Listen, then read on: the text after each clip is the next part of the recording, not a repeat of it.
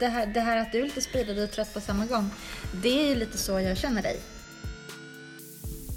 En sån här upplevelse som man inte riktigt kan förklara för att man är så mitt i det.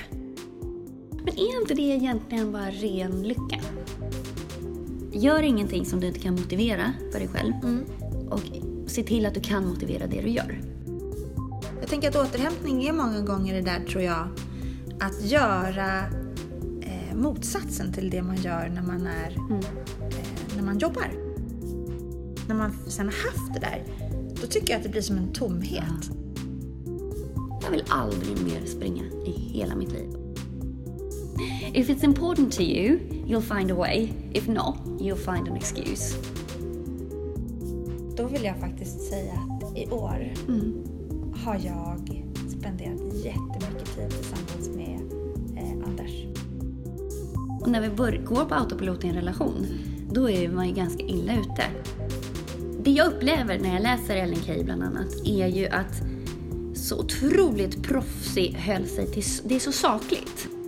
Varför går jag igång på det här? Hej Jessica! Hej Katarina! Hur är det? Jo men jag tycker att det är fint. Hur är det själv? Det är jättebra. Jag har just slidat in här på ett bananskal. Jag kommer direkt från ett, ett PT-pass. Så jag är lite eh, speedad och Ja. eh, lite speedad och trött på samma gång. Ja, för jag förstår det. Men för det här, det här att du är lite speedad och trött på samma gång, det är ju lite så jag känner dig. Jag tänkte precis säga det. Jag bara, är det någon skillnad från hur jag brukar vara? Nej, jag tänker att ehm, du har ju varit och jobbat. Mm. Du jobbar ju med, alltså med ett av dina största intressen och det du är, har så otroligt bra kompetens inom. Vad gullig du är. Jo, men det gör ju det där som, som jag borde. Jag står vid sidan och tittar på. Eh, Du har varit och jobbat på ditt, med ditt egna företag. Precis, jag har ett företag som heter Aktivt Välmående som jobbar med träning och eh, hälsocoachning och sådär. Så att, eh, jag jobbar ju med sådana som du. Fast jag är den svåraste kunden. Nej, det är du faktiskt inte. Nej. Du är du- som folk är mest. Ja, eh, precis. Vem, vem kommer till dig? Oj, det kan verkligen vara allt från någon som har väldigt specifika uppnående mål till någon som bara vill må lite bättre. Ehm, så att det är Genom verkligen- samtal eller genom... Först och främst träning, Mm. alltså i egenskap av personlig tränare. Eh, men det blir ju väldigt mycket samtal för det är ju Psyket ligger ju bakom. Det är ju Just känslorna som styr om du tränar eller Ja, inte. Så att det precis. måste man jobba jättemycket med. Ja, Och sen så blir det ju väldigt, det blir ju komma in på kost och sådana saker också. Mm. Så att det, och eh, skaderehabilitering och sådär. Mm. Så det är, Vadå, så att om man, Jätte- vill, om man vill bli bättre på att träna och man kanske har satt upp ett mål och så vet man inte riktigt hur man ska nå det där målet. Mm. Då är det fiffigt att kontakta dig. Det vet kan det jag. vara. Det vet jag att det är. Jag har ju hört flera stycken som ska träffa dig eller träffar dig och håller på och tränar. ja men det är roligt. Alltså just det där eh, variationen också i att träffa så mycket olika människor med Mm. olika mål och olika hur folk fungerar. Mm. Det som funkar på en person fungerar inte på en annan. Nej. Sen är det ju väldigt mycket detektivarbete i... Ja, Skador det, och ja sånt. och jag tänker det där detektivarbete i skador säger men jag tänker kan det vara detektivarbete i... Vad som motiverar och sånt Ja, där vad också. motiverar. Verkligen. Och sen har jag, vet du, jag har tänkt. Ja. Ibland tänker jag, förstår du. Och nu har jag tänkt lite grann på... Ha inte bara otur när man... Nej, jag har inte, man kan inte bara säga att man... Ibland får man ta ansvar också. Ja, men det har är jag- du bra på. Och då har jag tänkt så här. Jag har ju sagt till dig, hur många gånger har inte jag sagt till dig att jag, är en tränande, att jag skulle vilja vara en tränande person? Mm. Och så har jag tänkt. Jag har nog inte riktigt bestämt mig för vilken träningsform som jag räknar som träning. Nej. Att det är en gråzon där. Ja, och då har jag kommit på att jag kan med stolthet säga att jag tränar. Ja. Men jag tycker du, alltså du, du kör ju dina powerwalks och... Jo, fast för Så. mig, ja, jag har tyckt att det har varit lite så här, lite så här låtsasträning. Ja. Men man måste ju se vad, för, vad är förutsättningarna. Vad, framför allt det som, där det skevar mest oftast, är målet kontra den faktiska insatsen jag är beredd att Ja. lägga. Precis. Och de måste lira, annars kommer De måste inte... lira, annars får man ju bara... Sen kan man absolut ha en ambition att trappa upp. Mm. Men man kan inte säga att man ska springa tre gånger i veckan om man faktiskt inte är beredd att göra det. Då blir man bara besviken och det är sällan konstruktivt att vara det. Precis, det är sällan... Men det är härligt när man gör någonting när man känner att man blir fullkomligt blown away. Ja, verkligen. Och man bara oj det här vill jag göra igen för det här Ja. var så himla häftigt. Det hände mig i veckan. Berätta.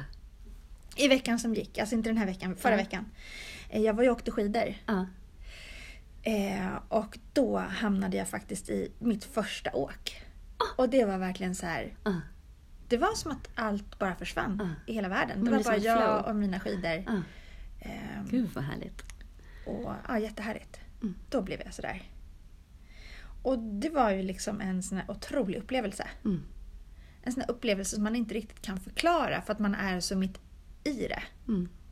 Eh, Men det är som ett rus. det blir som ett rus och när man upplever rus så är det Mm. svårt att sätta ord på Mm. den där känslan. Men är inte det egentligen bara ren lycka?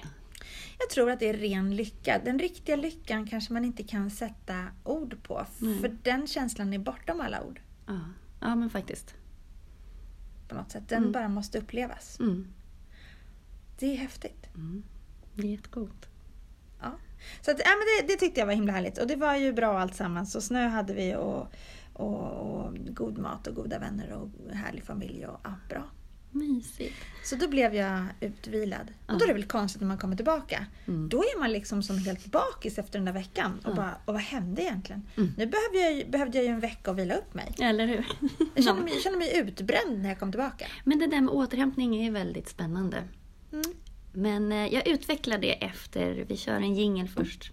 Gör det. Välkomna till Ansvarspodden! Varmt välkomna till dagens avsnitt.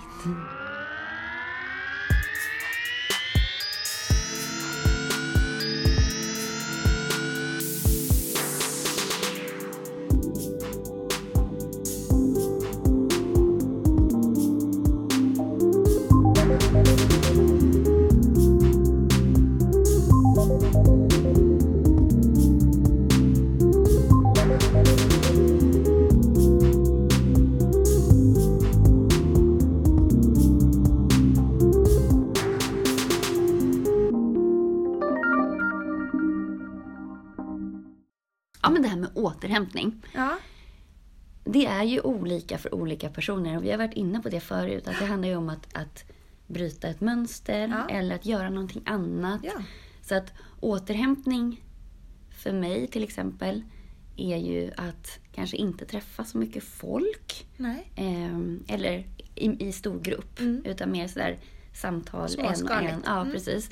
Eller att eh, träning för mig är väldigt, väldigt mycket återhämtning. Mm. För att det är så extremt inrutat och Mm.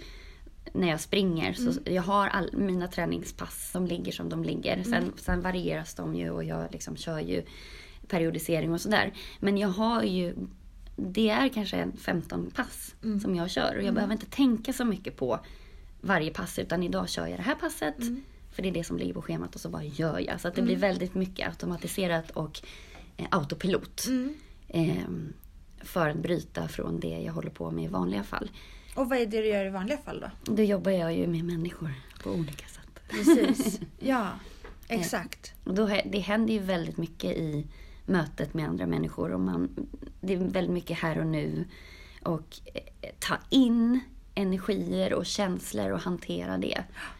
Eh, till skillnad från, jag kan tänka mig om man sitter framför en dataskärm själv större delen av dagen.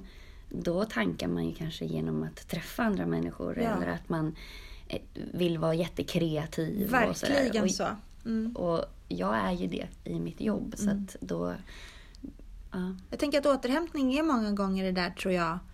Att göra eh, motsatsen till det man gör när man, är, Mm. eh, när man jobbar. Så det behöver ju inte betyda att man vilar. Utan bara Nej. gör något annat. Mm. Precis, att göra någonting helt annat. Till Mm. exempel snickra eller måla eller Ja, vara. ja, Jag har tränat på att bara vara. ja. Bara sitta och vara. Det är jätteskönt. Det har jag svårt för. Det är därför jag tränar på det, för att jag också har väldigt svårt för det. För att ofta är det någonting som ska göras. Mm, man kommer, grejen är att man blir så kreativ Mm. när man sätter sig ner. Mm. Så kommer man på 18 miljoner fantastiska grejer som man bara blir så inspirerad att göra på en gång. Mm. Ja, men jag har jobbat med att försöka vara lite kreativ inne i huvudet bara och ah, bara vara lite. Mm. Bara för att jag är faktiskt ganska dålig på det. Mm. Så då har jag tvingat mig själv att testa på att om jag inte kan bli bra på det. Mm. Och jag, det går sådär. Ja, men också det här att vara i nuet. Är jätteviktigt att man inte tänker hela tiden på vad man ska göra om en timme eller imorgon. Ja, eller, så, eller det där, det där som jag tror att jag måste göra nu, måste Mm. jag göra det? Du måste ju ingenting. Nej, man måste faktiskt ingenting. Det är härligt Det kan- att vilja Ja, och det saker. kan vara praktiskt att göra vissa grejer. För konsekvenserna kan bli väldigt jobbiga om man inte gör Ja, dem. men om jag bestämmer för att jag vill göra det här så kommer det att tjäna mig om en stund. Mm, precis. Men om jag känner att jag måste göra det här, nu slänger jag pennor omkring mig. Om jag känner att jag måste göra det här, då blir Mm. det ganska tråkigt. Jag har ett litet sådär talesätt, eller vad man ska säga, som jag har för mig själv. Eh, och det är det här, gör ingenting som du inte kan motivera för dig själv. Mm. Och se till att du kan motivera det du gör. Mm. För det kan också vara så att man måste göra vissa grejer som man kanske från början tycker är jättetråkiga. Men se till att du kan motivera, hitta Ja. på liksom. Se till att du förklarar för dig Ja. själv varför du ska göra det. Och det är nog för mig att tänka att det här vill jag göra istället Mm, för måste. Ja. Så din motivation blir i min vilja. Mm. Jag väljer att. Ja, precis. Mm. Det där är rätt intressant. Mm.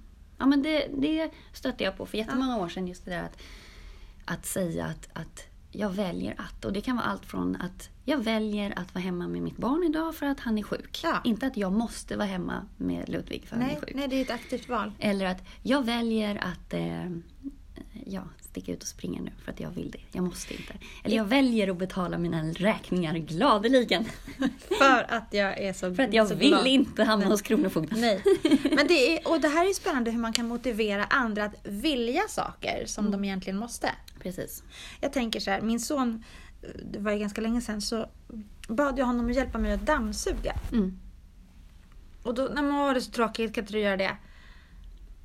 Så, jag, så tänkte jag så här, hur kan jag få honom att bli motiverad? Mm. Så jag sa, men tänk dig att istället för att det är, är damm du suger upp, tänk att du tar ett prov på månen, då blir det bra Ja, men du mycket pratade roligare. om det här förra gången. Ja, fast du utvecklade det Ja, aldrig. Utan nej. du bara att du Ja. ja.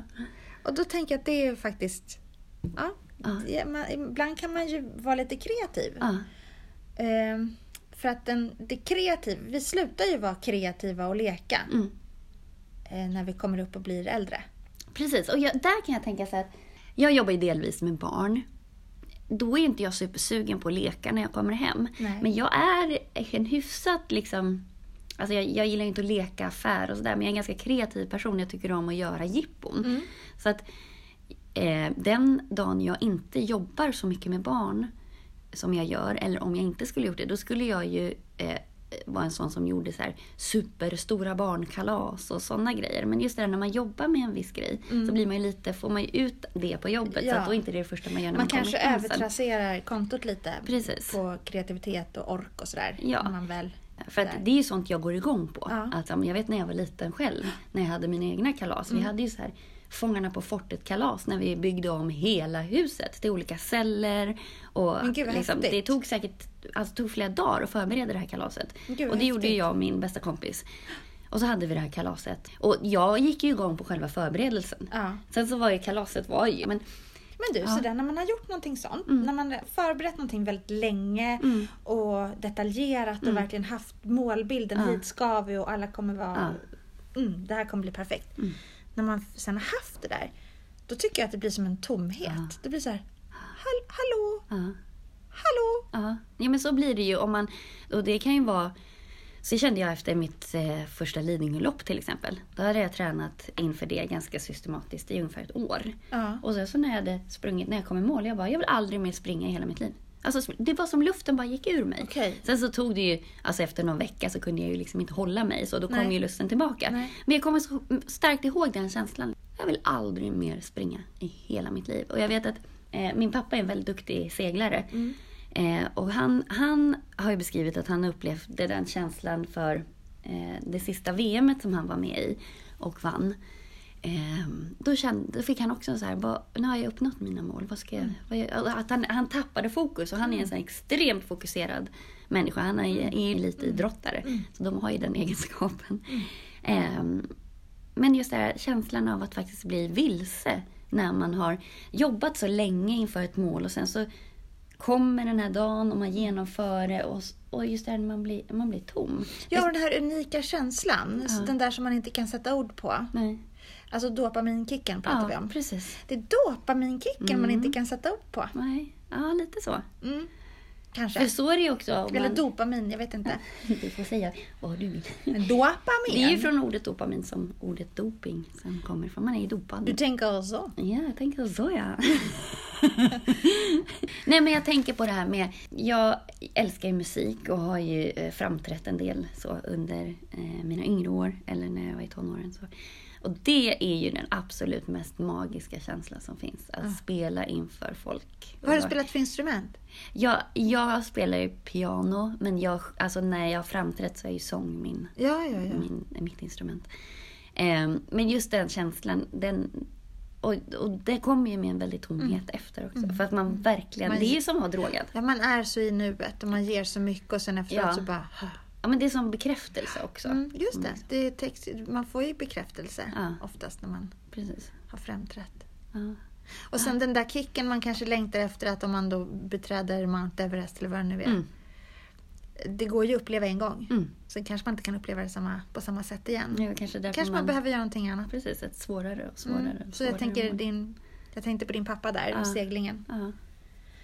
Då behöver man kanske nya ja, precis. berg att bestiga. Ja, så han började ju spela golf då. Ja, Han bytte sport helt. ja det är hyfsat. Ja, det är ju som att, att, att segla, det är ju som att, att eh, spela golf på land. Det är det inte alls. Nu tänker jag på när, eh, vad heter han då, som eh, Zachrisson, apropå golf. Ja. När han skulle kommentera något America's Cup, Ja. som är en seglingstävling.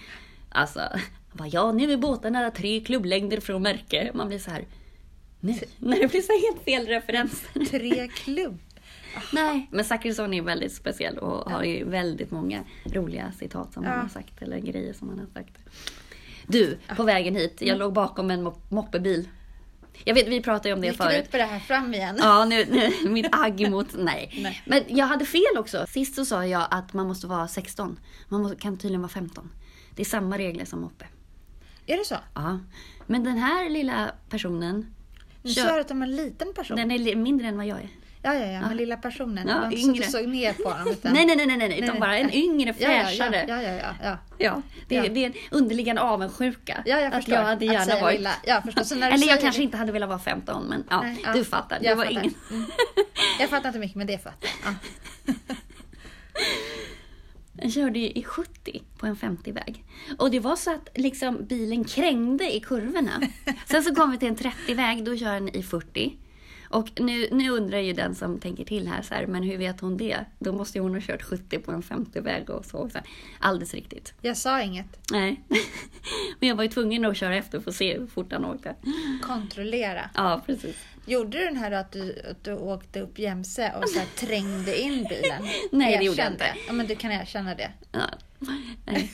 Det, jag ska ändå lacka om den till hösten. Så. Ja. Nej, men eh, så körde han 40 på en 30-väg. Eh, och sen när vi kommer till en 70-väg, Mm. vad gör människan då? Den kör 60. Hon var- Men bilen kom ju uppenbarligen upp i 70. Ja. Till historien hör ju att de får inte åka snabbare än 45. Nej, är det så? Ja, de har ju till och med en sån här långsamt gående Just fordonstriangel bak stämmer på ju. sig. Det stämmer ju. Men förstå. Men du, kommenterade du det här då på något sätt eller gjorde du nej, någonting? nej. Nej, jag åkte ju bara efter. Sen så fortsatte han rakt fram och jag skulle svänga. Ja. Det var bara en, en ren observationsstudie. Ja. Mm. Vad tycker du att jag borde ha gjort? Nej, jag tänker väl att vad ska du göra? Alltså, det är Ja. lite grann utanför din skattkista. Ja, lite Man så. kan ju hoppas någonstans Jag skulle ju att- kunna tagit regnumret och ringt hem till föräldrarna, men det känner jag så här. Det fattar ju de själva att deras barn inte kör runt i 45, tänker jag. Om man är tonårsförälder, då måste man ju förstå det. Jag vet inte. Men, men eh, jag vet inte vad jag hade gjort i den situationen. Jag hade nog mer hope and pray att det går bra. Ja, men precis. killen. Jag känner Mm. inte riktigt att det är mitt. Han har ju blivit betrodd med ett kort. Så Ja, då precis. tänker jag, åh det har ju du också som också körde 70. Ja, men fast det inte var 70. Ja, Så.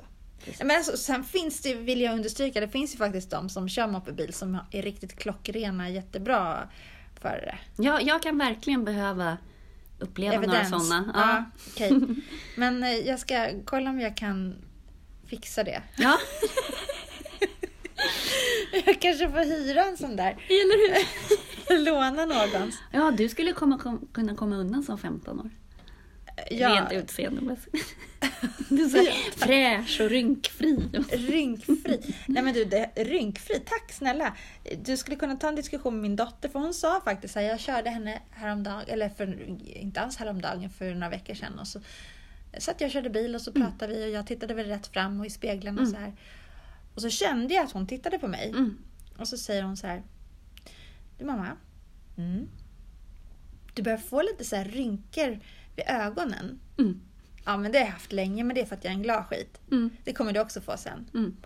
Jag undrar hur många rynkor det kommer få plats i ditt ansikte egentligen. Då var jag, fnula på det du! Tyst i min mun får du socker. Men visst var det trevligt? Ja, men jag har en kompis vars barn som var mycket yngre Mm. satt i hennes knä så hade hon någon sån här foundation måste hon ha haft Ja. eller något sådär. Och det här barnet helt plötsligt bara stirrar på henne så här och bara Mamma, du håller på att krackelera i ansiktet. och så helt förskräckt, alltså så här oroligt rädd. Hon bara, oj, oj, vad händer? ja. Ja. Det har Josefin också sagt till min pappa. ja. Hon hon har sagt så här. Titta på min pappa länge. Och så, så bara, morfar, hur gammal kommer du bli egentligen? ja. Alltså och med stor kärlek, verkligen så här, för att jag vill att du ska vara kvar i livet. Mm. Men att han börjar se äldre ut. Och jag tror hon börjar bli lite orolig för att hur, Ja. hur ja, så. Det var lite gulligt. Då. Verkligen. Mm. Men du, jag tänkte på det här som du var inne på med målbilder. Ja. Det är ju faktiskt väldigt spännande. Just det där vad som driver oss att uppnå vissa mål. Att det är känslostyrt. Mm. Och att det drivs av rädsla eller belöning. Mm. Och det här med kontrollerad rädsla. Mm. Det är, och jag tror att man har nog nytta av att ta reda på vilka ens starkaste drivkrafter är. Om det är rädsla eller om det är belöning. Vad man går igång på mest. Ja, men precis. Och det där med kontrollerad skrämsel är ju... Det använder man ju väldigt mycket mot eh, ungdomar eller tonåringar. Och just att den där kontrollerade skrämseln, att då måste ju skrämselhotet ligga ändå relativt nära. Det kan inte vara någonting som är väldigt långt fram. Säger man till en 15-åring att eh, om du eh, röker så kommer du att dö när du blir äldre. Mm. Så kanske det är för långt bort. Ja, precis. Det måste ju vara något Var det så du tänkte? Ja, men precis. Eller så här, säg till en eh, 20-åring att eh, den måste börja pensionsspara för att annars har den inga pengar när den fyller 70. Mm. Det känns ju Det är för långt abstrakt. bort. Ja. Ja, precis. Eh, Så det måste ju vara någonting som ligger nära och som är relevant. Ja, och det och hotet känns inte aktuellt så att det är Nej. ingenting man behöver fundera kring. Nej, Att precis. man skulle bli ja, sjuk eller att man Nej. skulle bli, drabbas av en personlig konkurs eller Ja. sådär.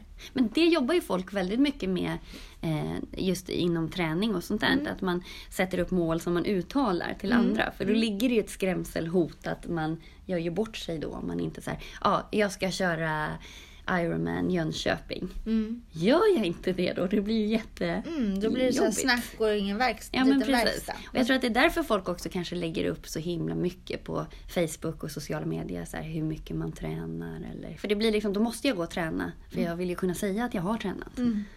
Man marknadsför sig själv som Ja, en tränande. tränande Och person. då är det ju lättare att komma iväg för att jag är ju faktiskt en tränandes människa. Så att då Mm. går ju jag Mm. iväg och tränar. Mm.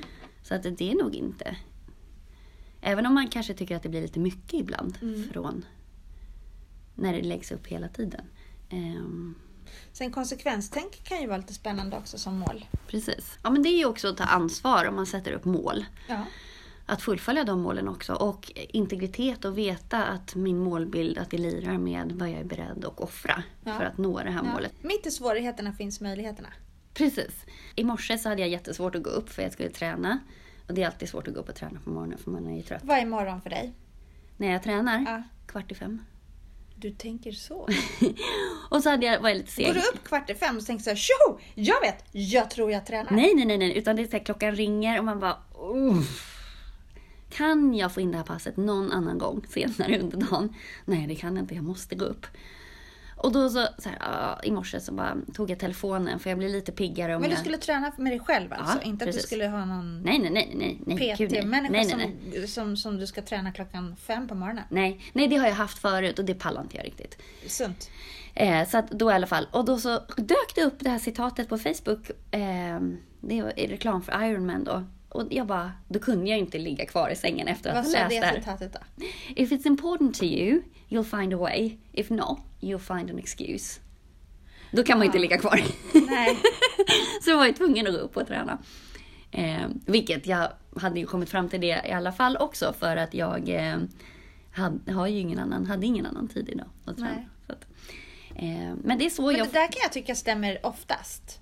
Ja, jo, men så är det ju med allt. Mm. Ehm, så att det vi väljer bort det är ju för att det inte är tillräckligt Mm. viktigt.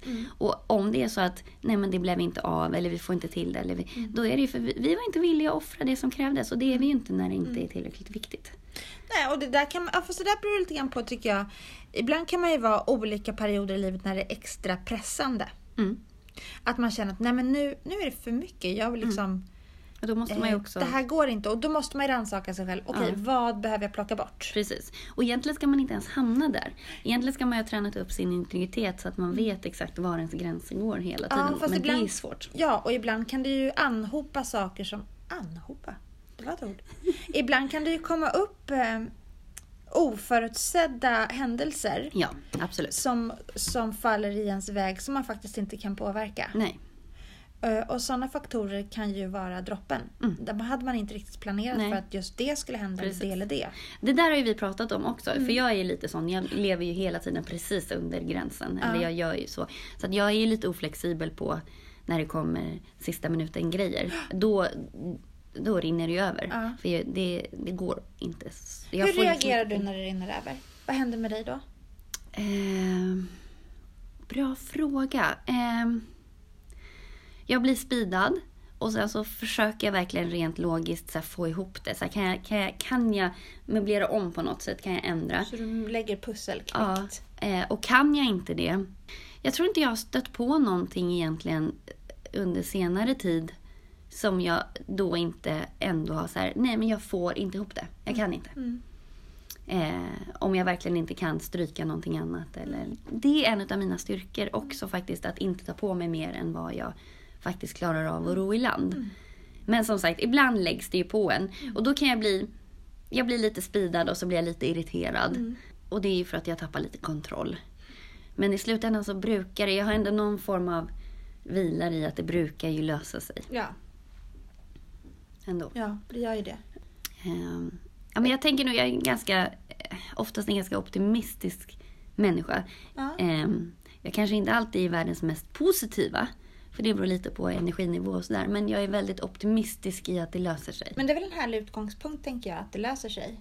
Ja, om det är med ansvar. För man kan ju också vara så här, ja men det löser sig. Mm. Och så Allt, drabbar det någon annan. allt löser sig om vi agerar på det. Precis. Men jag tänker att ibland kan vi ju lägga över eh, våra egna bördor i andras knän. Ja, och det är ju inte så bra alla gånger. Om man till exempel har problem med en relation. Säg att jag har problem med en relation med en kollega. Mm. Då kan jag gå till min chef och säga, kan du lösa den här, eh, kan du prata med den här kollegan? Mm. Det löser ju inte riktigt min relation, mitt relationsproblem med min kollega.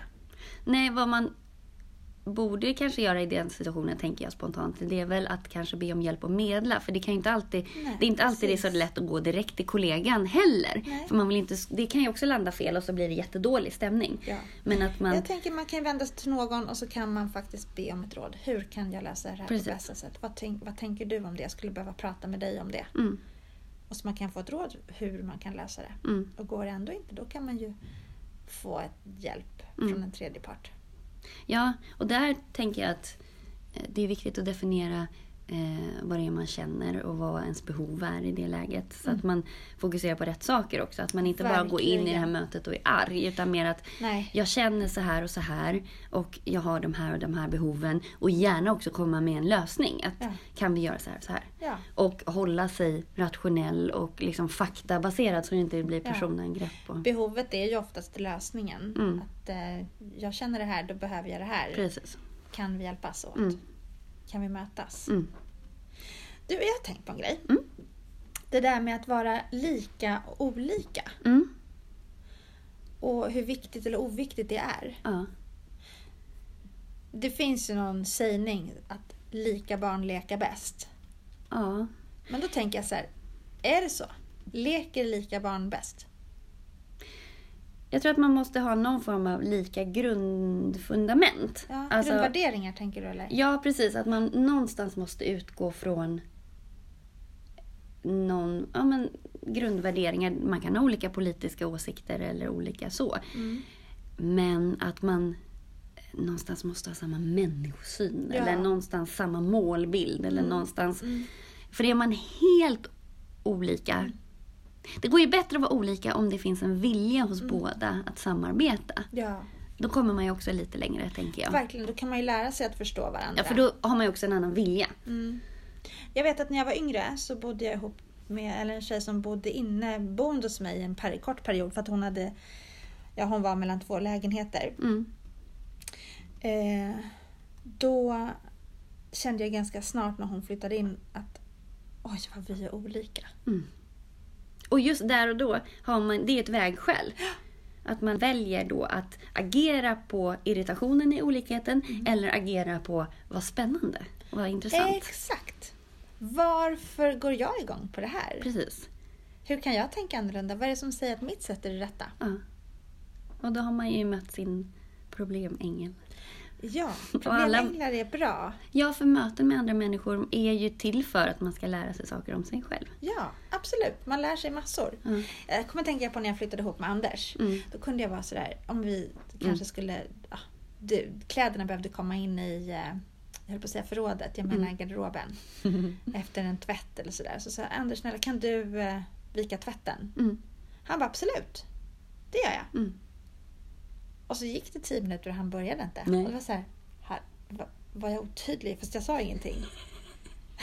så gick det en halvtimme och så bara, men hallå, vad Ja. händer? Ja. Så sa jag igen, men Anders, kan inte du, skulle du vika tvätten? Ja. Ja. Jag litar på att jag kommer göra det, men jag kommer göra det när det passar. När, för just nu är jag mitt uppe i någonting annat. Precis. Och för mig var det så här, vadå, menar du att du inte kommer att göra det Nu? nu? För nu passar det mig.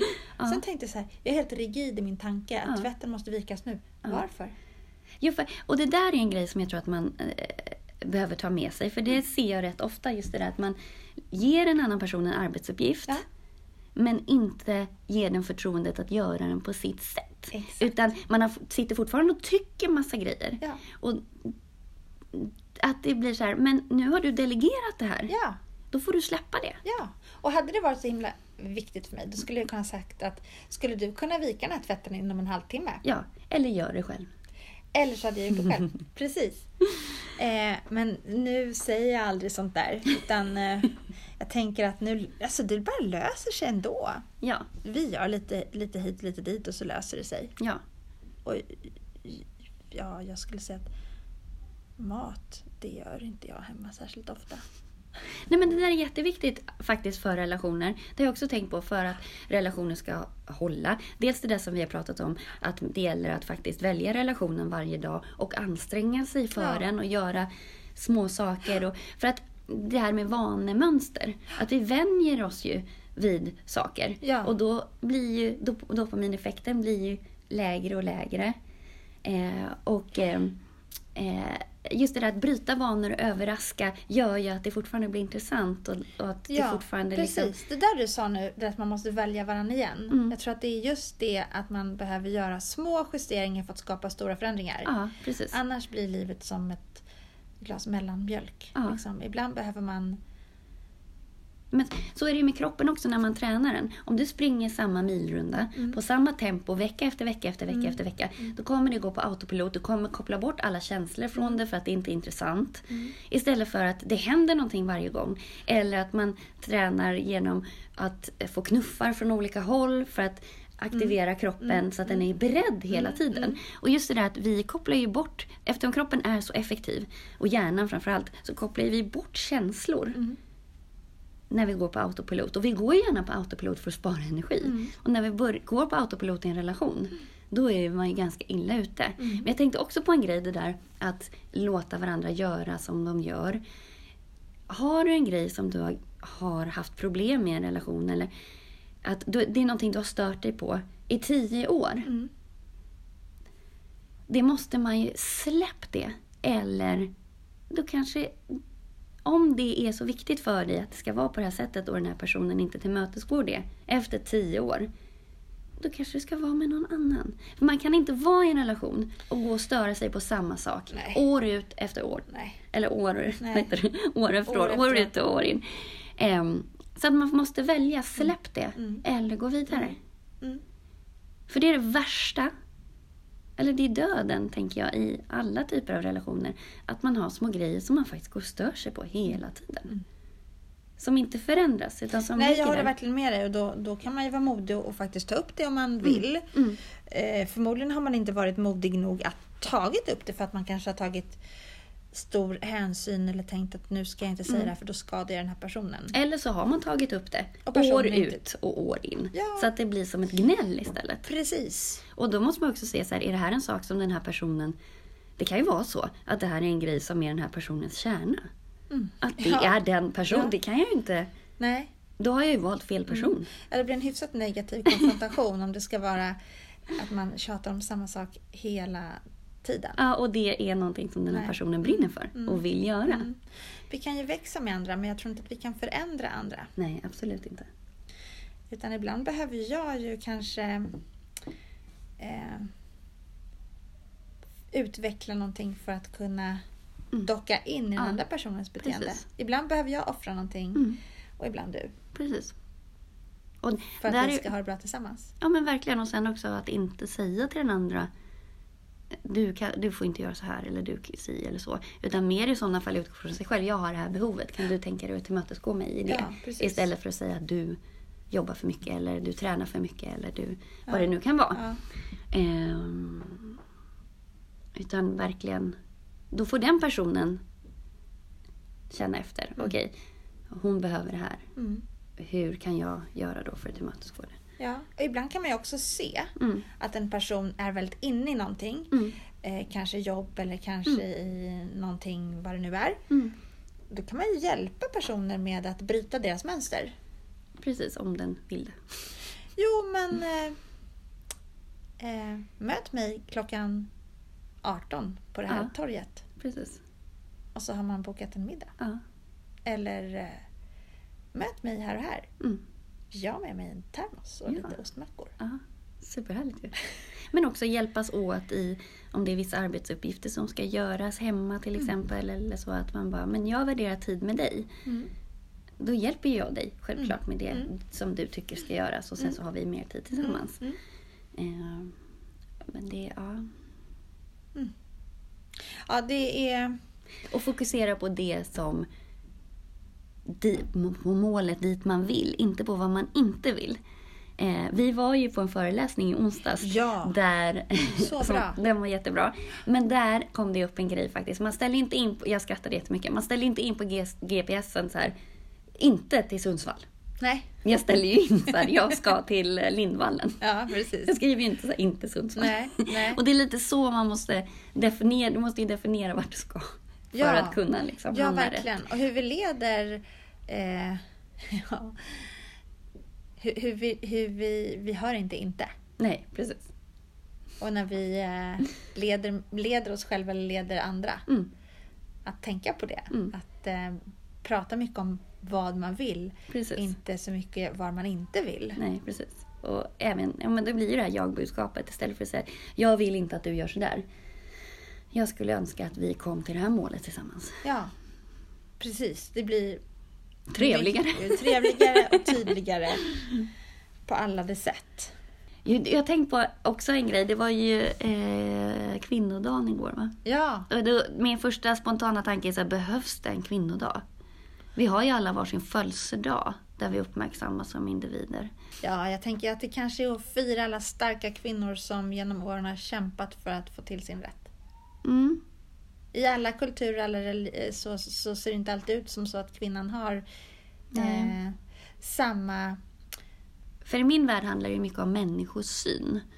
Ehm, jag tänker på, på en jättespännande ehm, person om vi går tillbaka till sekelskiftet. Och, eh, eller sekelskiftet, då tänker jag 1800-tal, slutet av 1800-talet, Ja. 1900-tal. Eh, jag har nyligen läst eh, ganska mycket om Ellen Key Mm. som är superspännande. Mm. Som var en så här radikal svensk Mm. författare Mm. och väldigt ledande under sin Mm. tid. Och hon startade ju även eh, en skola tillsammans med Anna, Key-skola. Mm. eh, Anna Whitlock. Mm. Och hon Mm. startade ju Whitlockska. Mm. Ehm, Det finns en som heter Ellen Key-skolan. Ja, den har kommit i efterhand va? Ah, okej. För det är här Ellen Keys strand också, bland annat hennes eh, mm, hem som hon byggde som hon eh, efter sin död testamenterade till eh, att eh, eh, kroppsarbetande kvinnor skulle få komma och bo där och sådär. Eh, men hon var ju kvinnosaksideolog. Eh, och hon var ju också någonting som kallas för särartsfeminist. Berätta. Ah, Särartsfeminist. Och det fastnade ju jag för. Eh, för jag har ju ogärna velat säga att jag är feminist. Jag vill hellre säga att jag är humanist. Humanist tänker jag att jag är. Ja.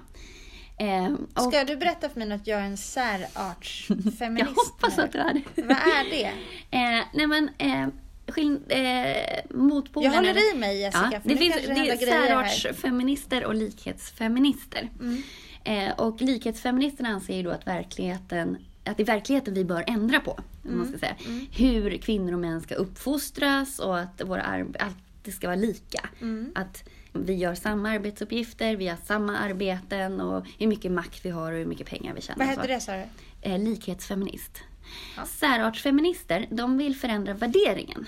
Vad är det som säger att vi är olika värda? Män och kvinnor, det är klart vi inte är det.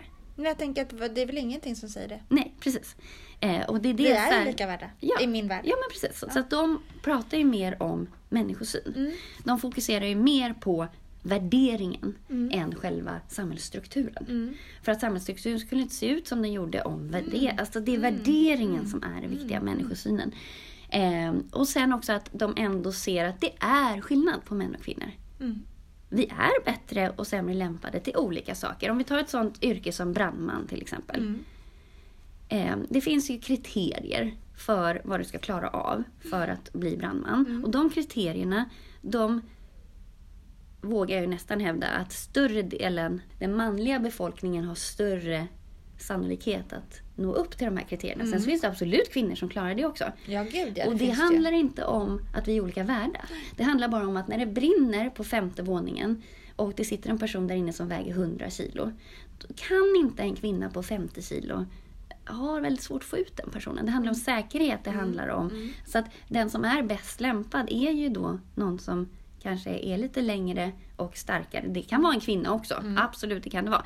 Men det finns vissa kriterier som du måste uppfylla för att få det här jobbet. Det finns ju en anledning till varför jag inte är brandman då. Brandkvinna. Nej men vad spännande! Eh, och Ellen Key var ju då eh, särartsfeminist, men hon var ju väldigt spännande i... Jag tycker hela den... Hela hennes umgängeskrets var ju väldigt spännande. Hon ingick ju i en liten grupp som kallades för Juntan.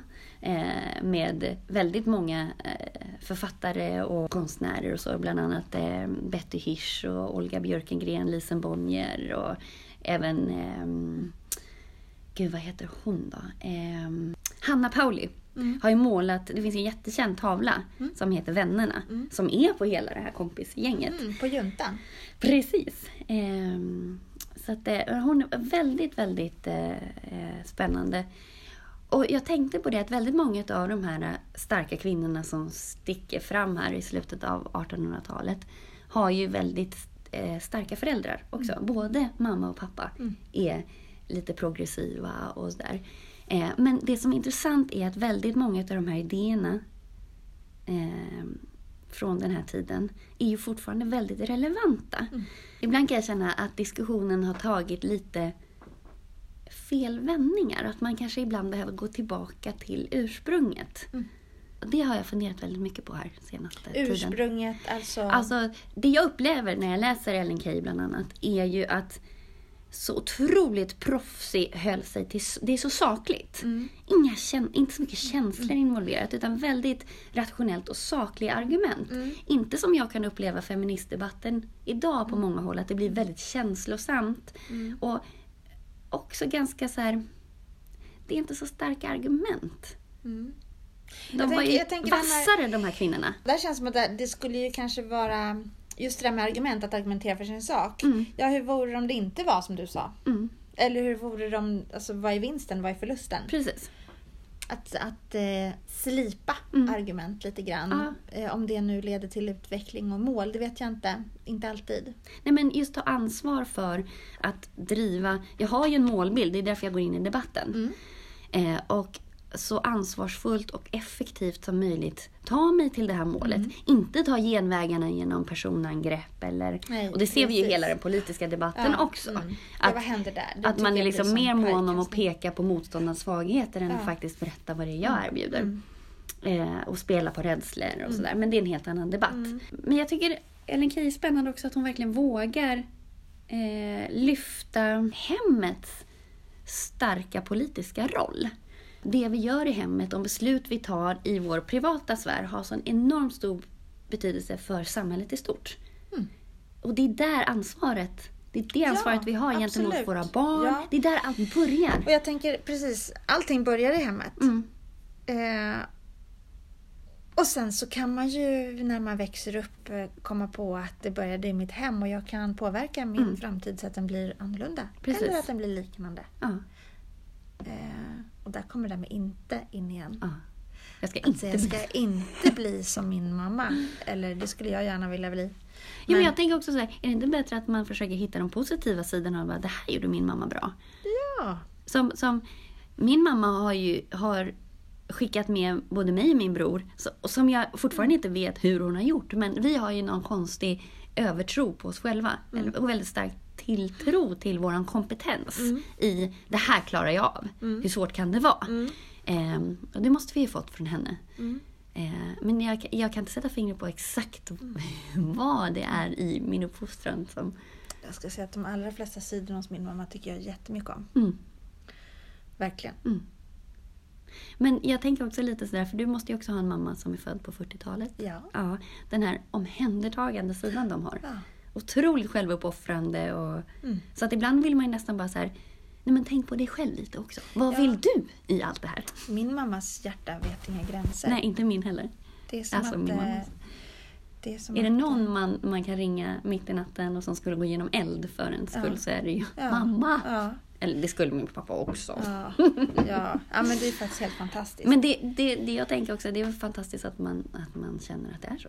Mhm. Och det är underbart att man känner så fast man är vuxen. Mm. Och det vill man väl skicka med till sina barn. Sån mamma vill man väl vara. Ja, verkligen. Ja, man får gå en kurs. Man får göra det. Ringa och fråga hur gjorde du? Eller åka dit och fråga hur gjorde du egentligen? Du, en annan fråga från den här föreläsningen som jag har funderat på. Klockan är fem i tolv på nyårsafton 2018. Ja. Hur vill du sammanfatta ditt år? Vad vill du kunna säga? Och då vill jag faktiskt säga att i år Mm.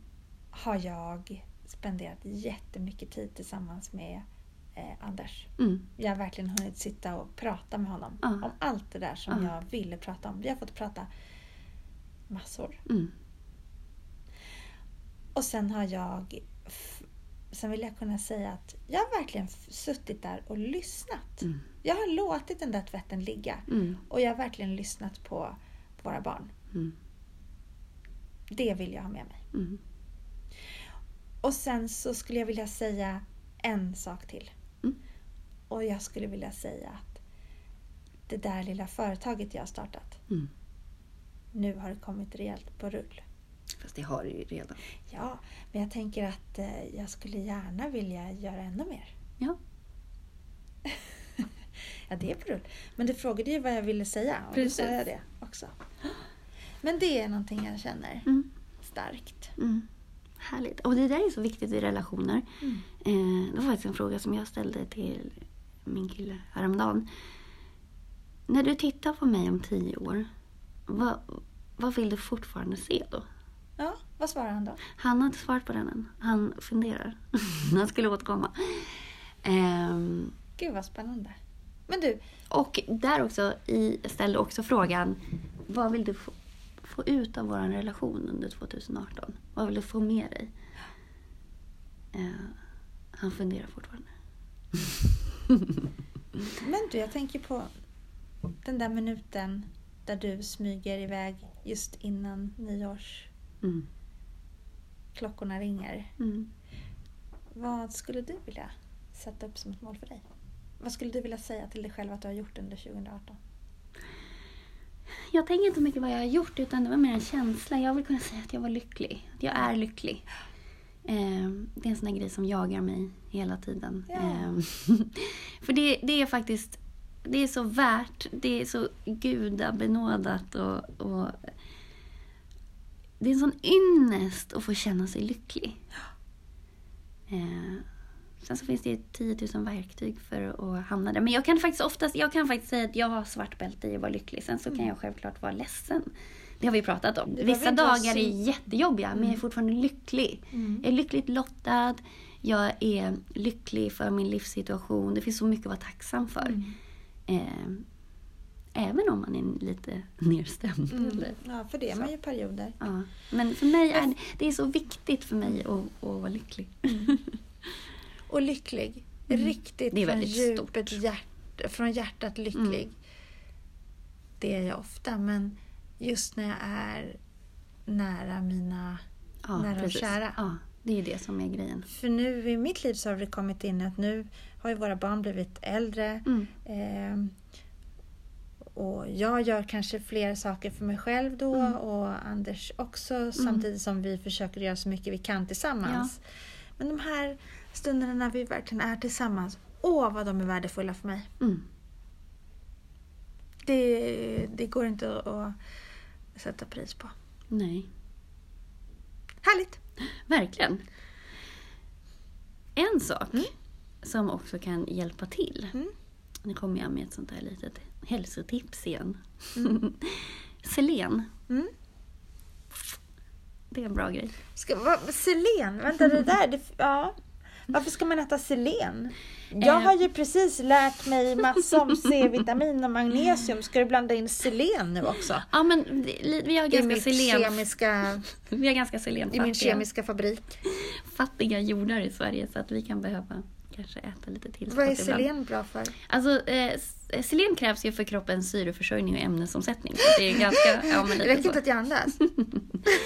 Eh, det, det är med i alla må bra-hormoner, så då kommer ju dopamin och serotonin och Mm. sådär. Det stimuleras av selen. Så Eh, man blir deppig om man inte har tillräckligt med selen? Det, precis, alltså det kan ju göra att eh, produktionen av dopamin och eh, serotonin inte är optimal. Nej. Sen så är det ju som vi har pratat om massa andra saker Ja. som på, påverkar där också, Ja. med D-vitamin och magnesium och sådär. Ja. Eh, men sen så finns det, det är med att skydda mot fria radikaler. Det vill säga att man har lättare motståndskraft mot sjukdomar och Okej, åldrande. så, så du bygger upp immunförsvaret också? Ja, och fria radikaler bryter ner. Du kan tänka dig, fria radikaler gör ju, nu förenklar jag jättemycket, men det gör ju så Tack. att cellerna rostar i princip. Ja. Det är det som gör att vi åldras. Så att Ah, om du vill så vara ung och, telling me att jag rostar i facet. eh, och det stärker hjärtat och musklernas funktioner och är uppbyggande för levern. Ehm, och eh, förstärker effekten av E-vitamin. Jag får lite panik och känns bara, gud jag kanske har taskig selennivå. Hur vet man det? Vad är... Alltså selen får man ju, det finns ju i jorden mycket. Så att det får, Käka jord, är det det du säga? Nej, men kanske saker som har växt i jorden. Men i och med att vi har relativt selenfattiga jordar i Sverige så Ja. får vi inte kanske alltid i oss tillräckligt Nej. med selen. Så att det kan vara en sån... Eh, Men du, så du råder mig egentligen att äta till, eller kosttillskott då? Selen? eller bara, man kan, alltså det finns i fisk och, och kött och sånt också. Ja, Eh, ägg. Eh, och okej. så. Ja, men det är man mycket ganska så, safe för man äter kött, fisk och ägg. Ja, och mycket, mycket som växer. Eh, Det äter jag också. Fullkornsvete eh, till exempel. Eh, sesamfrön, baljväxter, nötter, mandlar, solrosfrön. Importerad från Kenya. Ja, precis. Och då är det miljöaspekter. som- Ja. mm. Men baljväxter Ja, har vi i Sverige. Så att, eh, eh, däremot om man har selenbrist så, så kan man eh, ha, enligt forskning då, ser man en lite ökad risk för eh, cancer, hjärt-kärlsjukdomar. Tungmetallförgiftning, för att det hjälper ju nämligen till eh, mot eh, kvicksilverförgiftning. nu är inte det jätteutbrett. att- Ja. Men om du misstänker att någon håller på att kvicksilverförgifta dig så ska du käka selen. snabbt! Hiro hit med ett kilo selen! Men selenbrist hos äldre Mm. kan faktiskt leda till försvagade muskler. Jaha. Ehm, och försvagad muskler kan ju leda till sämre balans. Och Ja. Så att är man äldre så har man Vits och pilla i sig lite selen ibland, hör Ja, jag. precis. Det kanske man ska göra lite proaktivt. Mm, precis. Smart. Män har ju lite extra nytta av att, att äta eh, selen. För det kan orsaka impotens och sterilitet hos män om man inte får i sig tillräckligt. Oj då. Mhm. Ja, det var inget kul Mm, nej. för dem. Sen så har man också sett, det är några svenska barnläkare som har sett att växtverk hos barn Ja. kan lindras eh, om de får selentillskott. Och det kan också hjälpa till vid depressioner och trötthet. Och, så att det, ja, man ska titta lite närmare på det här med selen. Mm.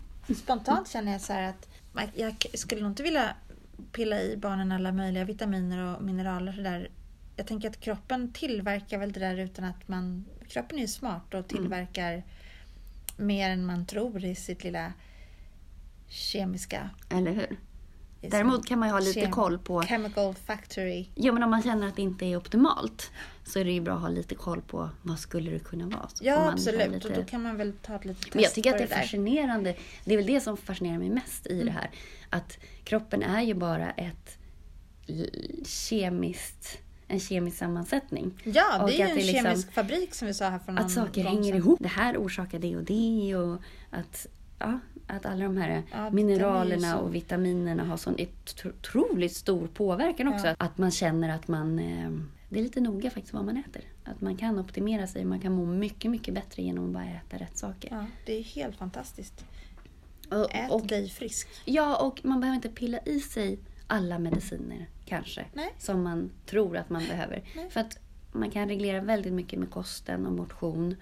Eh, och biverkningarna på många mediciner är horribla. Speciellt när det gäller de här neurologiska man ju behöva, tillstånden. ja, och så kan man ju faktiskt behöva ta en medicin för en åkomma Ja. och en medicin för en biverkning. Precis. Herregud. Och är det de här största välfärdssjukdomarna som vi faktiskt har ätit oss till, Mm. då kan vi äta oss ifrån dem också. Ät, ät oss till det, ät oss ur det. Ja, verkligen.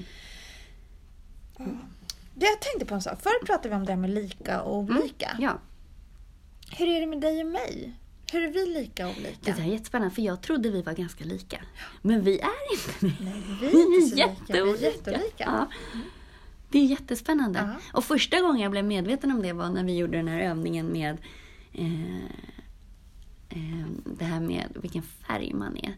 Och det här omgiven av idioter Ja, ja, ja. ja. Disk. Ehm, En diskövning vi gjorde, ja. ja, och du ställer dig borta vid blå eller grön. Mm. Och jag Fast det har jag ändrat mig lite. Jag skulle helt... Jag har ju tillgång till mer. Ja, Då var det nog i mitt... Eh, I mitt... Eh, jag trodde du var, kanske inte jag röd, Nej, men... jag är gul. Ja, det hade jag faktiskt. Jag tänker att jag... Eh, när, jag gör, när jag har gjort den där övningen Mm. Så har jag gått in i olika moods. Liksom. Mm. För att jag tror att jag har tillgång till ganska många olika. Ja. Eller har du det eller är du bara anpassningsbar? Alltså vad är genuint du? Genuint jag, Mm. eh, när jag är hemma på sofflocket Mm. bara så, Mm. då är jag nog... Jag är grön Mm. och jag är gul. Mm. För det finns ett av och ett på lite så. Och är man jätteintresserad av det här så kan man ju googla upp det här med vad de olika färgerna representerar. Absolut. För det är ett helt annat en- avsnitt att gå Ja, igenom absolut. Man det. kan få en diskprofil. Ja, kan man göra. precis. Och då kan man kontakta dig också. Ja. Men jag är nog mer röd på jobbet och gul hemma. Eller Ja. gul privat. Eh, Det är ganska sällan man är 100% av något. Ja, men lika och olika. Ja, hur hur mer är vi olika, upplever du? Eh, hur vi tar oss an uppgifter. Mm. Alltså i... ehm, du är, nog lite mer sådär inkännande och eh, eftertänksam än vad jag är. Mm. Jag, är väl, jag är nog mycket mer så praktisk eller pragmatisk. Och så här, Och jag sätter oftast relation för uppgift. ja. Alltså på jobbet, jag är, privat gör jag inte det. Mm. Nej. Eh, då är jag, men, men, men på jobbet är jag nog väldigt, är jag väldigt uppgiftsorienterad. Du är mer såhär, keep it short. Bara kör. Ja, och jag är mer så här, får jag en idé Mm. och har en målbild. Då är den så, nästan gjord Ja, jag är så klar skapats. i vad som behövs. Så Ja. att jag behöver väldigt lite Ja. inputs från andra. Och blir jag osäker så frågar jag självklart. Ja. Men jag är inte så osäker i Nej. saker och ting. Och så, det är jag i i allt. Jag vet när jag fick barn. Mm. Jag var helt klar över hur det skulle gå till. Och liksom, Jag rådfrågade Mm. inte speciellt många och kände mig inte orolig, kände mig inte tveksam. Bara gjorde. Jag, bara, för jag hade en så klar Mm. bild av hur jag ville att det skulle vara. Och för mig är det så att jag är nog mer så att jag har en klar bild av hur det ska bli där borta. Mm. Och sen gillar jag bara så här, hmm, sondera terrängen och tänka Mm. en stund. Sen gör jag. Ja, men, ja. Och så kan jag vara. På det sättet är jag eftertänksam. Mm. Men den processen för, föregås nog Mm. innan målet är satt. Mm. Men om jag är in, i en arbetssituation till exempel när jag ska gå in och bara pang bom, nu ska du prestera, gör det här. Då Mm. eh, kopplas någon sorts, sätter jag på mig någon sorts hatt och bara gör. Mm. Och bara... Ja. Ehm, man kan ha så många sidor.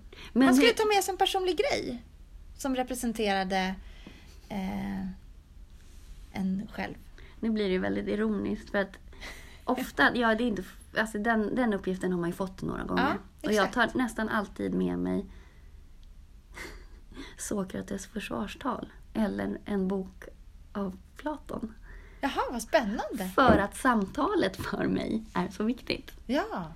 Ehm, vilket på ett sätt då... Ty- jag, jag är ju inkännande på det sättet att jag är väldigt, väldigt känslig för stämningar och energier. Och det, jag tror att det är därför jag också inte blir det i min fokusering. För att jag är så känslig för det så att jag blir så störd. Jag kan tappa... Det blir som energi, kan vara energitjuvaktigt för mig och jag kan tappa helt. När jag har satt upp en målbild, då, tappar, då blir jag nästan så här, men strunta i det då. Jag orkar inte, jag, bara, jag går härifrån nu. Eh, så att jag tror att det är därför... Då kopplar du på flykten. Ja, för att när jag väl har satt det här målet, då har jag börjat köra. Då är inte jag mottaglig för att folk ska komma och tycka och tänka om något som jag är så övertygad om. Och jag känner att om jag vill någonting, då vänder jag mig om och frågar. Men jag... Men om det är flera som ska göra mot det där målet då, hur blir det för dig? Mm, eh, där är jag känslig för om det går för långsamt. Mm. För att då tappar jag energi och jag tappar... Om jag tycker att det blir för omständigt och för långsamt. Mm. Då kommer ju min, men det här är bara på jobbet. Mm. Då kommer min röda sida fram och då loggar jag ur. Mm. Tills de så har bestämt du. sig. Och sen så, Okej, så då ställer du på hold en stund Ja. och väntar till att de har bestämt sig. Och när Precis. de har loggat på igen, då hakar du på? ja, ja. Okej. Mm. Hur är vi lika då, tänker du? Jo men jag, jag tycker att vi är lika i att vi är väldigt flexibla, Mm. eh, upplever jag. Eh, och kreativa. Och optimistiska. Alltså så här, vi löser det här. Alltså det finns alltid en lösning. Vi ser inte så mycket problem. Nej, vi ser möjligheter. Ja, precis. Vilket eh, man kanske behöver någon som är lite mer riskavert ibland så också. Ja, Men, ibland. I, alltså, jag tror det bästa fordonet, det är ju en, en Ferrari. Vet du vad det är? nej. Det är en korsning mellan traktor och Ferrari. Ja. Fast samtidigt, tänka, då tänker jag så här, är det inte bättre då att ha en traktor och en Ferrari som kör bredvid varandra? Man kan väl göra en syntes av det, tänker jag. Ja, precis. Då får Men, man ut det bästa. ja, eller så blir det ingenting, tänker jag Jo, det också. blir en Ferrari. det blir, jo, jag tänker så att om man tar det kraft, eh, om Mm. man tar kraft ur två motpoler Precis. och för samman de krafterna, Mm. då skapas någonting nytt. Mm. En syntes. Mm. Men om jag ska vara ärlig, Mm. Om jag, Det ska det ju vara. aha, om jag samarbetar med någon som är väldigt riskavert Mm. och väldigt, i min värld, långsam och så, Mm. då, det går inte. Nej, tappar du det då? Ja. Mm. Det krävs för mycket energi för dig att Ja, förstå det den tar så personen då. otroligt mycket energi. det? Ja. För det går så långsamt. Och det, Ja. ja. Någonting händer hos dig då som gör att du blir frustrerad. Ja. Men framför allt folk som är oflexibla och negativa. Mm. Men det är ju till för mig att träna på. Du, det där med att vara negativ. Upplever att jag är negativ? Nej, verkligen inte. Så verkligen bra. inte. Nej, men jag, jag upplever mig själv som en positiv person. Ja, I grunden glad skit. precis. Och det, det tjänar man på. Det blir man ju äldre av. Alltså man lever längre. Ja, ah, vad bra. Nej, det är inte så att det blir gråhårig och rynkig. Åh, du verkar lite glad. Du verkar ju som en glad skit. Du ser lite gammal ut för övrigt. Nej. Men du, idag har vi pratat om relationer. Ja. Vi har pratat om disk, Ja. som vi pratade om här alldeles nyss. Vi har pratat om Ellen Key. Ja, Om du inte är inläst på henne, jag läste tips. lite om henne. Intressant kvinna. Ja, verkligen. Superinspirerande. Nytt för mig är att selen är någonting man bör äta. Mm. Eller bör äta någonting. Man behöver se över så att man har i sig. Ja. Och nytt för mig är att jag är särartsfeminist. Nytt för mig är att du är särartsfeminist. Ja. Och vi har pratat om de här moppebilarna igen. Som jag tror kan köra riktigt bra. Det kan de säkert. Men om jag tänker på de barnen som, som jag har i skolan. Mm. Alla de är jag helt övertygad om att de kan köra.